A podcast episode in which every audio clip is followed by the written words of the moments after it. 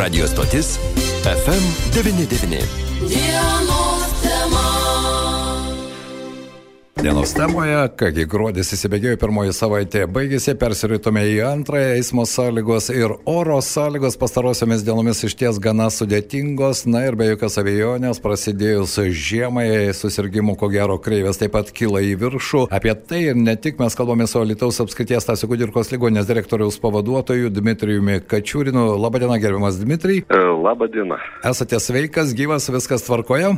Viskas tvarkoja darbo vietoje. Na, aš tai norėčiau su jumis pakalbėti, ar pirmosiomis jau gruodžio savaitės dienomis, na ir plikledžio netruko ir lijundros, ir slidu buvo ir keliuose, ir šalygatviuose, ar pajutote, jog padaugėjo žmonių su traumomis, ypatingai savaitės pradžioje, kurie kreipėsi į medikus? E, Taip, čia yra, nu, ti- tikrai yra sezoninė lyga, tai pasakysiu, ir kalbėjau su traumatologais e, mūsų ligoninės, kaip jie mato tą situaciją. Tai ačiū, ačiū Dievui, nėra tokių su, sudėtingesnių atvejų, kad reikėtų žmogų operuoti ar guldyti į ligoninę. Tai dažniausiai tai tas padidėjimas atsiliepia priimimo skyriuje, yra e, nemažai griuvimų, patimpimų, tokių lūžimų nesudėtingų, kur yra, e, nu, kaip pasiteikus ambulatorinį pagalbą, žmonės išeina gydytis namo. Tokių tikrai atvejų yra padidėjimas.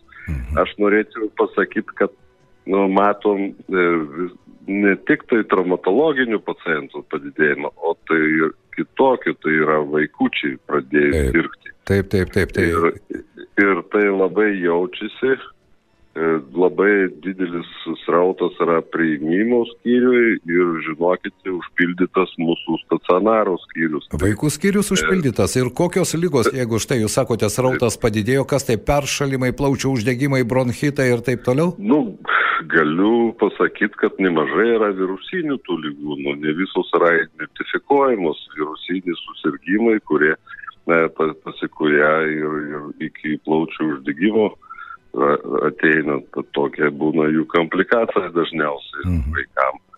Tai Dmitrijai, štai jūs, e, labai atsiprašau, jūs e, pra- pradėjote kalbėti apie virusus, e, teko kalbėti nu, su ne vienu žmogumi, kuris šį rudenį visi dar prisimena tuos covidinius pandeminius metus ir daugelis žinoma turi ir testus ir testuojasi, bet sako, šiais metais tas virusas labai keistas ir temperatūros gana aukštos ir trukmė jo ilga ir be antibiotikų niekaip nepavyksta įsikapstyti, kas tai nauji, naujos virusų atmainos ar mūsų organizmai jau taip pasikeitė, kad e, tampame po tų dviejų pandeminių metų tokie jautrus. Jūs kalbate apie COVID. -ą. E, Aš kalbu apie tai, kad po COVID, štai šį A, rudenį daugelis žmonių skundžiasi, kad na, kažkokie keisti virusai, bet e, negalavimas gana stiprus, e, pereinantis po to į, nežinau, bronchitus ir visą kitą, kosėjimai ir gana ilgai tęsiasi jie. Nu, matot, tų virusų mes e, nenustatom taip tiksliai, kaip, kaip buvo pandemijos metu. Tie PGR tyrimai atliekami labai riboti, o ekspres testai COVID nu, nėra pakankamai tikslus ir be to e, jau turint labai jo ryškiai simptomatiką, tas tikėtina, kad tas e, testas parodytų tikrai sukėlėją. Bet mes pamirštam apie gripo virusą, kur mes nu, tikrai nenustatom daž- dažniausiai, o jisai egzistuoja ir kaip rašo pasaulinė literatūra, jisai yra pakankamai piktas. E, Vakcinacija e, tikrai procentualiai nėra didelė e, mūsų visuomenės. Ir kaip nebuvo to viruso porą metų, tai praktiškai ir to liekamojo kažkokio imuniteto jo nebeliko Mhm. gripui.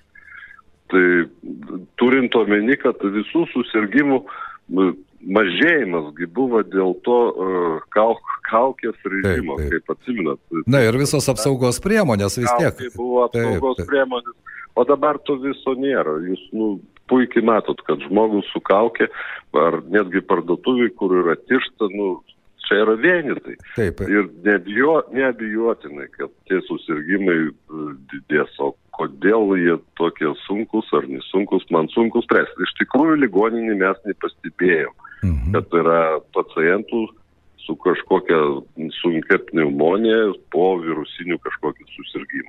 Na štai, jūs užsiminėte ir šiek tiek apie COVID. -ą. Praėjusios paros skaičius Lietuvoje yra 486, Lietuvoje vis dėlto ir COVID skyrius ir visa kita buvo. Kokia dabar situacija? Nes, na, visa tai jau tiek pabodė, kad tai visi žmonės bando nustumti ir tuos skaičius ir tą informaciją apie COVID susirgymus.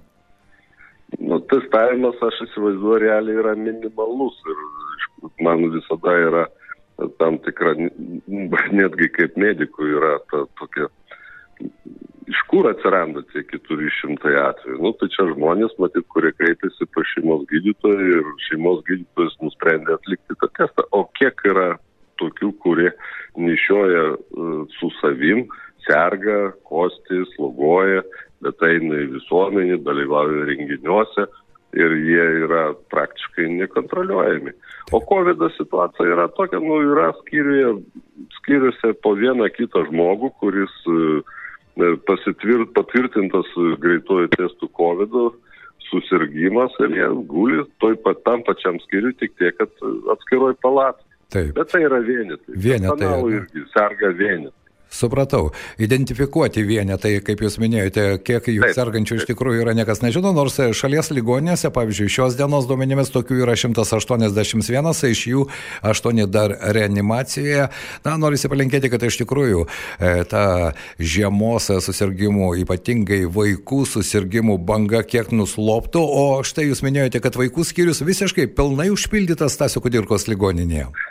Šiai dienai turime laisvų vietų, bet savaitės pradžioje buvo praktiškai užpildytas visai. Mhm. O juk kalendorinė žiema dar tik prasidėjo, ar ne? O čia dar artėja ir kalėdos, kaip įprastai. Ateis vaikų atostogos ir bus atostogos ir bus atoslūgis. Na, daugiametė praktika Dmitrijui, ko gero, patarė visada, ar ne? Nes ta daugiametė praktika, ją galima kažkiek e, remtis, prognozuojant, e, na ir, pavyzdžiui, šios žiemos susirgymų kreivės, ar ne? Ar vis dėlto kiekvieni metai yra skirtingi? Nu, jie panašus, jie panašus buvo iškreipta visa ta statistika ir prognozavimas COVID metu, tada buvo ir mokslai nuotoliniai, o dabar kaip visi susibūrite, aš manau, kad per metus kitus tai tikrai visus tos kreivės moksleivis grįš į savo vietą ir tendencijos bus pakankamai aiškus ir gydytojams, e, kurie dirba su, su vaikučiais ir jie puikiai žino, kokio periodo, kokios lygos atsiranda, dabar yra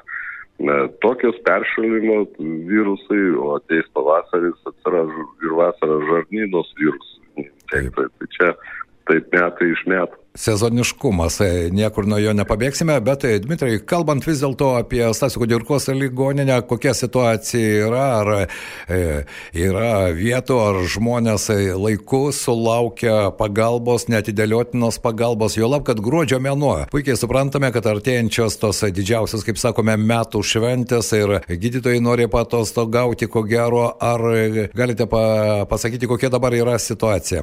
Skubi pagalba teikima, kaip visada ir atostogos tikrai neįtakoja jos teikimą ir komandų sudėtis nesikeičia nei žiemą, nei vasarą. Mhm.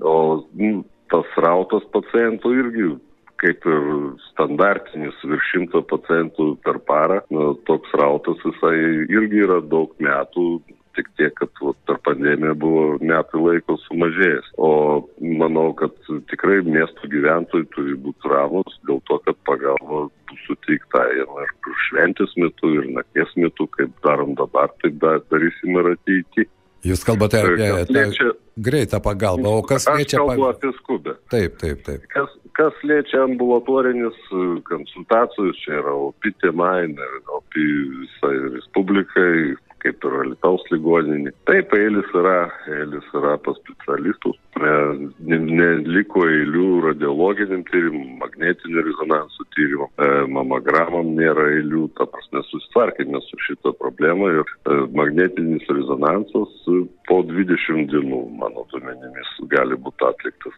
toks tyrimas. Bet jeigu... Populiariai Taip, taip, taip. Bet taip. jeigu pacientas nori pats dar papildomai susimokėti, ko gero, tai tą rezultatą jis gali gauti kur kas greičiau. Kažkaip tai ne, nežinau, ar, ar tikrai verta investuoti kažkiek tai pinigų. Nu, 20 dienų eilė Respublikoje greičiausiai nėra greičiau, aš taip mhm. įsivaizduoju. e, tokių eilių magnetų sunku surasti būtų kitur. Kas populiarūs lė...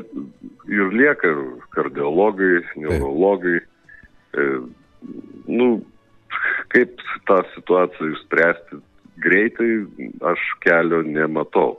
Atėjo ir jauna gydytoja, ką tik baigusi, jinai dirba dalinai ir stacionaro skyrių, ir poliklinikų, yra, žinote, gydytoja kardiologija iš Ukrainos. Taip. Tarp kitų, puikiai gydytoja, jinai adap...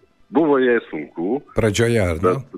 Pradžioje kalbos barjeras yra nu, tikrai rimtas barjeras, bet savo dėka padėjo jai ir ligoninė, surado gerą slaugytoją, kurie padėjo jai dirbti tą kasdienį darbą. Ir šiuo metu jinai puikiai orientuojasi ir dokumentacijų ir kalba su pacientais, aš nekalbu apie jos puikus profesionalius, įgūdžius kaip profesionalius. Aha, bet čia, Dmitrijai, tai trumpas klausimas, kaip pacientai reaguoja į štai e, daktarę Ukrainietę?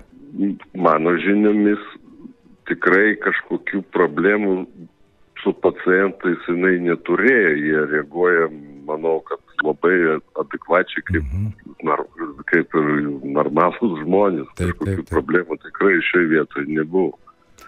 Na, tikėkime, kad iš tikrųjų e, gruodžio mėnesį žmonės gaus tą netidėliotiną greitą pagalbą, nors, žinoma, kada nors susėsti ir rimtai pakalbėti apie tą problemą, bet tai yra visoje šalyje, kai reikia sulaukti galimybės patekti pas specialistą. Ir, Dmitrijai, daug metų dirbate, turite e, ilgametę patirtį. Kame čia yra problema? Ar čia yra vadybos?